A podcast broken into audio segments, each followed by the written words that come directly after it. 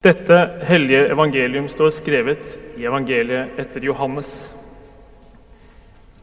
Jesus måtte reise gjennom Samaria, og der kom han til en by som het Sykar, like ved det jordstykket Jakob ga sin sønn Josef. Der var Jakobskilden. Jesus var sliten etter vandringen, og han satte seg ned ved kilden. Det var omkring den sjette time. Da kommer en samaritansk kvinne for å hente vann.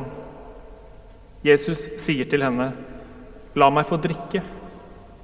Disiplene hans var nå gått inn i byen for å kjøpe mat.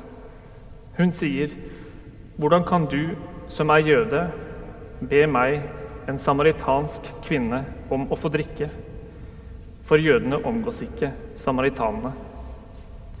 Jesus svarte, 'Om du hadde kjent Guds gave' og visst hvem det er som ber deg om drikke.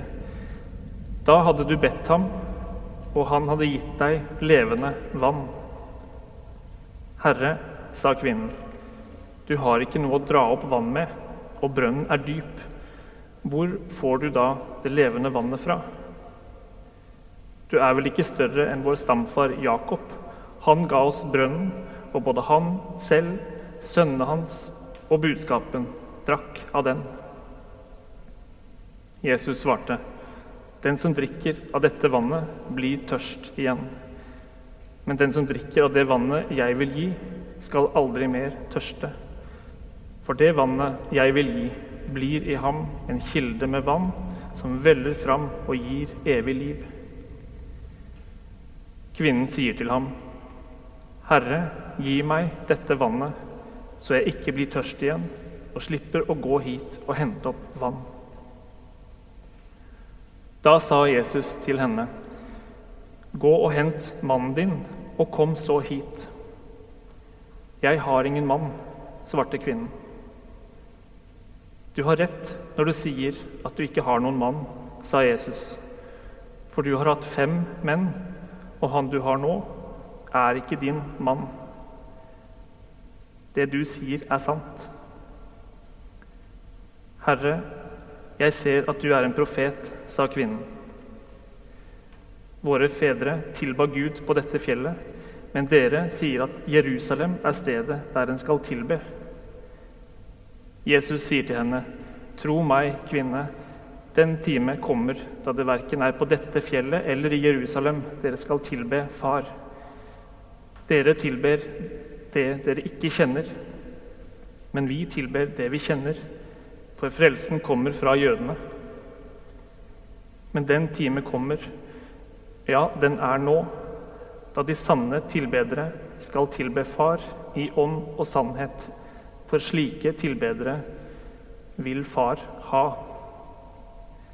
Gud er ånd, og den som tilber ham, må tilbe i ånd og sannhet.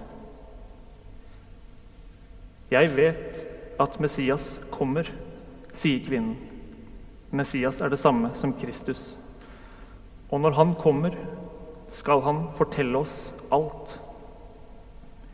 Jesus sier til henne, 'Det er jeg, jeg som snakker med deg.' Slik lyder det hellige evangelium. Gud være Den som drikker av det vannet jeg vil gi, det levende vannet, skal aldri mer tørste. Det er jeg som snakker med deg. Slik lyder det hellige evangelium, som en samtale med en som helst vil unngå å bli sett og snakket med. Med en som går til brønnen midt på dagen, i solsteken, for da er ikke de andre der, med sine blikk og sitt snakk. Og det starter på et vis ganske enkelt. Kvinnen og Jesus møtes i en fullstendig hverdagslig setting. For alle må ha vann. Og så snakker de sammen. Men det kan ikke sies å gli helt greit av gårde. Det er typisk for Johannes evangeliet at samtalene som Jesus har, med de han møter, selv om det er midt i livene deres, i hverdagsliv og gjøremål, så blir de samtalene ganske stive. De virker ikke helt ekte, men mer som stiliserte pasninger frem og tilbake. Dialogen drives av å få fram et poeng, en spesifikk mening, gjerne gjennom misforståelser. At de som Jesus snakker med, misforstår ord og uttrykk fordi han bruker dem på en annen måte, gir dem en annen mening som skal være viktigere. At levende vann er viktigere enn vann. Rett før denne scenen ved brønnen snakker Jesus med en som heter Nikodemus, og som misforstår betydningen av å bli født på ny. Nikodemus spør om det skjer ved å komme inn i mors liv og bli født igjen. Men Jesus svarer at det er ved å bli født av Ånden. Og Litt senere dreier det seg om hva brød er, etter at Jesus har mettet 5000 med fem brød og to fisk. De var sultne på ordentlig. Men den egentlige meningen som skal komme frem, er at det sanne brød er Jesus selv. Og her nå, i samtale med hun som har forsøkt å unngå samtale, levende vann som gir evig liv, at det er noe annet enn stillestående vann i en brønn, noe annet og mer enn det som slukker jordisk, menneskelig tørste. Poenget er hele tiden det samme. At ordene og bildene, sånn som menneskene er vant til å bruke dem, skal få en annen betydning, skal vise en annen virkelighet, en mening som skal være sannere. Det er en ganske hard, gjennomført dualisme i Johannesevangeliet mellom det konkrete og det abstrakte, mellom det jordiske og det himmelske, der det siste er det virkelige og åndelige og sanne, og som skal forstås og tros på, som viser hvem Jesus er, hvem Gud er. Sånn at selv om han sier til kvinnen ved brønnen Det er jeg, jeg som snakker med deg. At det er han som gir det levende vannet. Eller han som er brødet. At det er han som gjør at vi ikke skal tørste eller sulte. At det er han som gjør at vi fødes på ny og er den som gir evig liv. Så blir disse samtalene aldri helt genuine. De blir på et vis upersonlige, fordi det virker som de drives mer av å få fram en bestemt mening enn av personenes liv. Og det henger ikke helt på greip at det blir sånn i Johannes evangeliet. For det starter med at ordet som var i begynnelsen, som var hos Gud, og som var Gud, ordet som alt er blitt til ved og har fått liv ved, at det ordet ble menneske, ble kjøtt. Johannes evangeliet starter med selve sammenføringen av Guds og menneskers verden.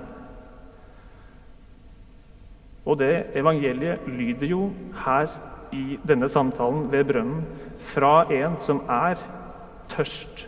Det lyder med den tørre tungen til en som trenger jordisk brønnvann.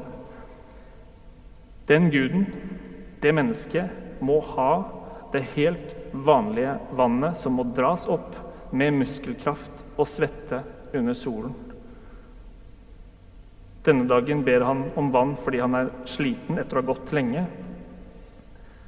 Senere, som det siste, før han sier 'det er fullbrakt' på korset, sier han 'jeg tørster'. Det er ikke mye dobbel betydning å spore da, når giveren av det levende vannet er tørst. Så det henger ikke helt sammen i Johannes evangeliet, som har som premiss at Gud ble menneske. som starter med at Guds og menneskers verden er én. Når Jesus snakker, blir det litt som at i stedet for å være menneske fullt ut, så fremstår han fort mer som en snakkende selvmotsigelse, i overkant opptatt av en mening som ikke har med denne verden å gjøre. Og sett bort fra at misforståelser sikkert var et effektivt stilistisk grep for å få fram den sanne meningen Jesus snakker om. Hvorfor skulle kvinnen egentlig misforstå?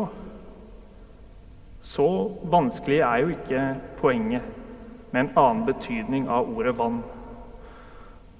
Og hun vet en del om livet, at det sjelden gir klare svar. At det ikke byr på bare én betydning eller to betydninger, men så mange at det å snakke om åndelig og sann mening får noe litt drømmende, nesten umodent over seg. Og som derfor egentlig burde føre til akkurat det hun har vendt seg til fra alle andre, nemlig ikke å bli sett, ikke bli bekreftet, men møtt med noe idealisert, livsfjernt, meningssøkende snakk. Bare blikket, bare snakket til og om som vanlig, ved å bli gjort et eksempel og et poeng ut av.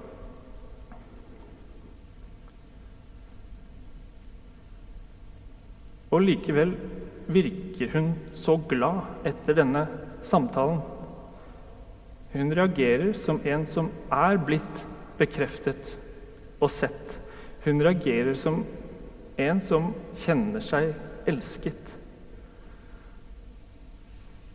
I det som følger etter teksten som jeg leste, etter samtalen, så går hun til byen hun bor i, og skjuler seg ikke lenger, men sier til de hun før har unngått, at hun har snakket med en som har fortalt henne alt hun har gjort, en som kanskje kan være Messias.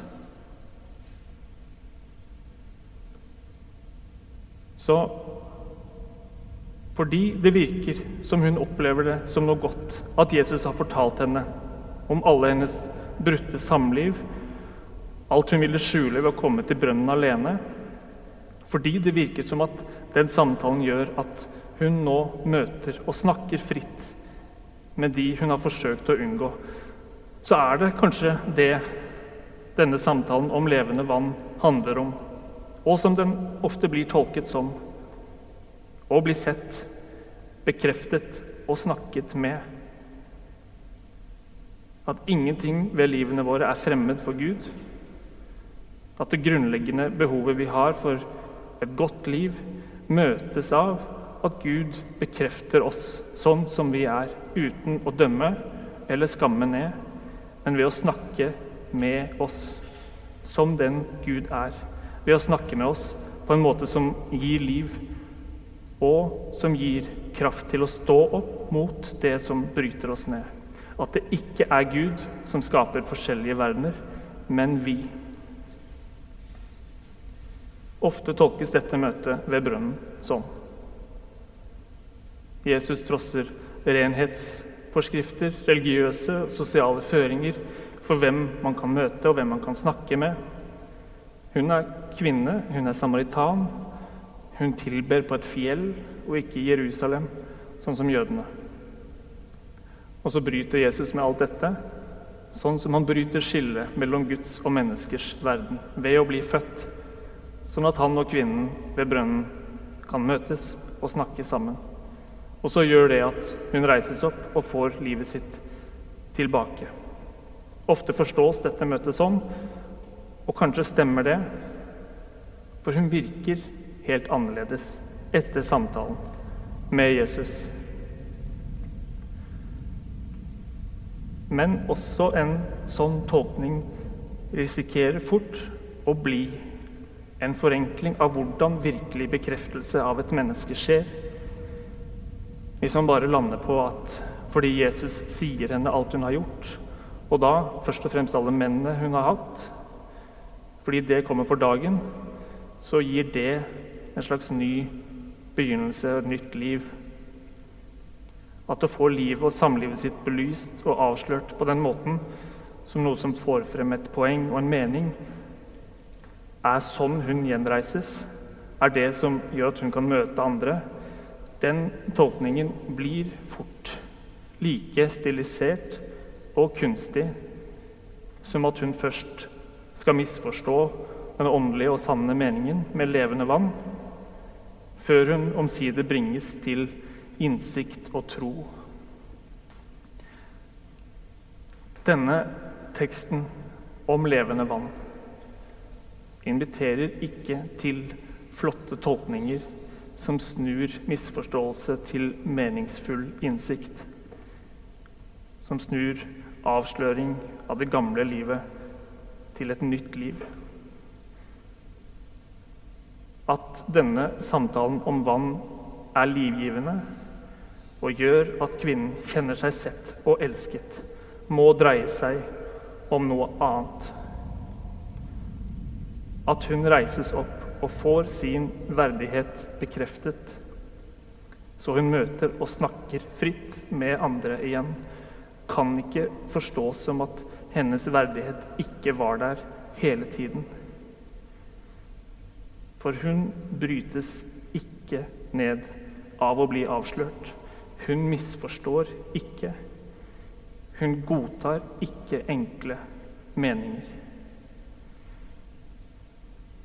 Kanskje det statiske i denne samtalen gir rom for akkurat det.